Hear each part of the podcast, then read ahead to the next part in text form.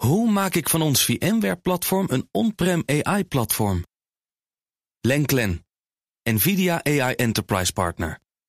Lenklen, betrokken expertise, gedreven innovaties.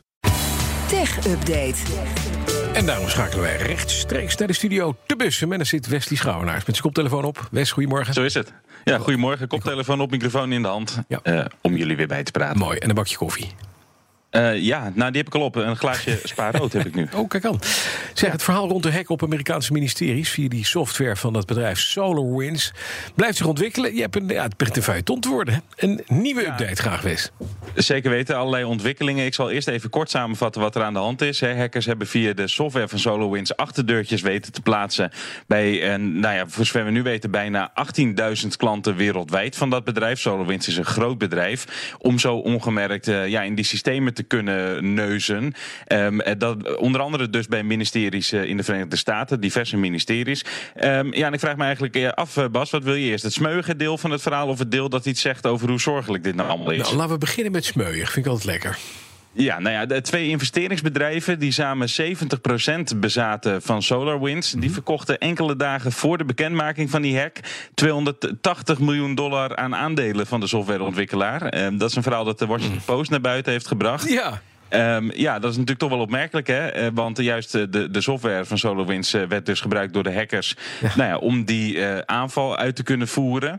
Ehm, en, en trouwens, dat was dus, ik noem Amerikaanse overheidsinstanties, omdat dat nu vooral in de spotlight staat, dat naar buiten komt. Maar als je weet dat ze bijna 18.000 klanten wereldwijd hebben, dan mag je er rekening mee houden dat er ook verhalen naar buiten gaan komen van buiten de Verenigde Staten. Ja, en die timing van de verkoop van die aandelen, dat roept natuurlijk nogal wat vragen op over nou ja, eventuele handel met voorkennis.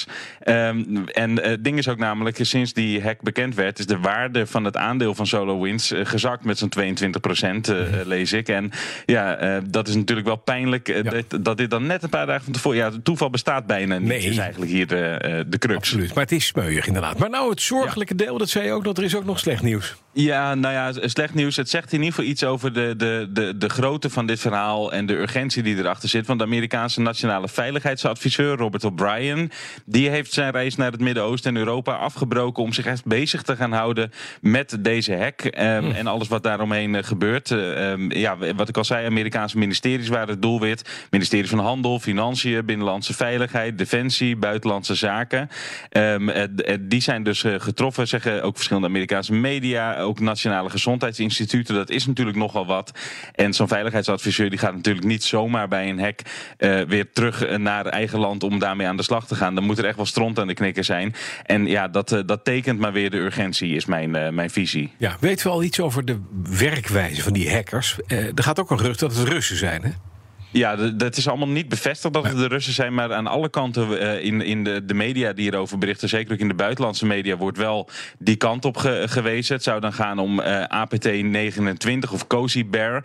eh, zoals die, die hackersclub dan heet. Nou ja, gewoon Russische staatshackers, daar staan ze onbekend. Maar goed, dat is niet officieel. Ehm, wat we weten over die hackers is dat ze in ieder geval heel goed zijn in het ongezien en geraffineerd te werk gaan. Ehm, dus zij, ja, zij, zij doen vooral heel erg veel in de luwte om zo een slag te slaan. Ehm, en ehm, wat, wat we weten over de werkwijze is dat ze er mogelijk in zijn geslaagd om, om dus zeg maar die, eh, die, die software-updates van SolarWinds om die te misbruiken als gevolg van, daar is hij, een zwak wachtwoord. Ehm, iets waarvan we bij alles zeggen, hè, of dat het nou je, je, je weet ik veel, je e-mailaccount is of wat dan ook, regel dat nou goed. Het zou gaan om het wachtwoord SolarWinds 123. Oh, dat is moeilijk. Goh. Eh, geruchten, maar goed, wel een, wel een dingetje. Ja. Ehm, en eh, het, het erg is dat het wachtwoord mogelijk ook nog gewoon openbaar te vinden was. Dat het ergens in de documentatie stond. Ja, precies. Dus dan hoef je niet eens al zeker heel veel moeite... Ja, je moet het wel vinden, maar goed, dan ben je er ook. Oh. Ehm, en een beveiligingsonderzoeker zegt tegen Reuters... dat hij SolarWinds hier eerder ook voor gewaarschuwd heeft. Ik geloof een maand of twee geleden.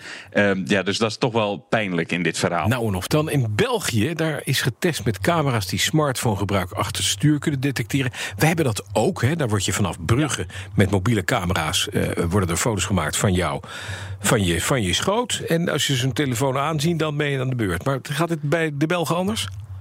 Uh, nee, dat gaat net zo bij de Belgen. En uh, ze waren daar al even mee aan het testen. Dat blijkt nu uh, succesvol te zijn. En de bedoeling is inderdaad, ja, mensen beboeten die dus de regels overtreden. Die bijvoorbeeld met hun hand, of met hun telefoon in het hand achter het stuur zitten. Ja. Um, Verkeersinstituut Fias die meldt nu volgens Tweakers dat ze die test dus met succes hebben doorlopen. en zoals je al aangaf, ook in Nederland wordt dit gedaan. Daar sinds vorige maand ook echt ingezet hè, als controlemiddel, zou ik maar zeggen. Um, en ze denken er in België dus nu inderdaad ook serieus over na om dit ook echt in te gaan zetten. Dus uh, het testen is nu achter de rug.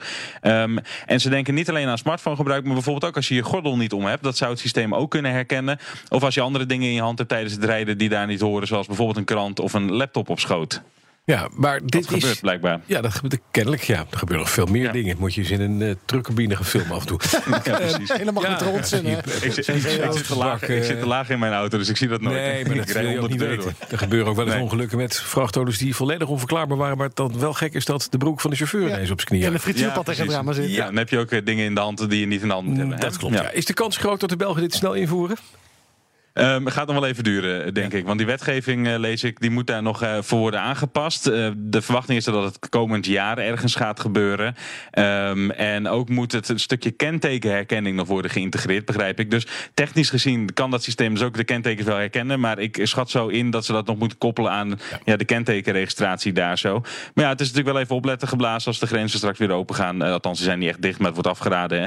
Eh, en het belangrijkste advies is natuurlijk gewoon niet doen. Ogen op de weg, handen aan het stuur. Exact, dat is het rijmono. Dat is handig. Dankjewel, Westie Schouwenaars. De BNR Tech Update wordt mede mogelijk gemaakt door Orange Cyber Defense. Build a safer digital society. Hoe vergroot ik onze compute power zonder extra compute power? Lenklen, Hitachi Virtual Storage Partner. Lenklen, betrokken expertise, gedreven innovaties.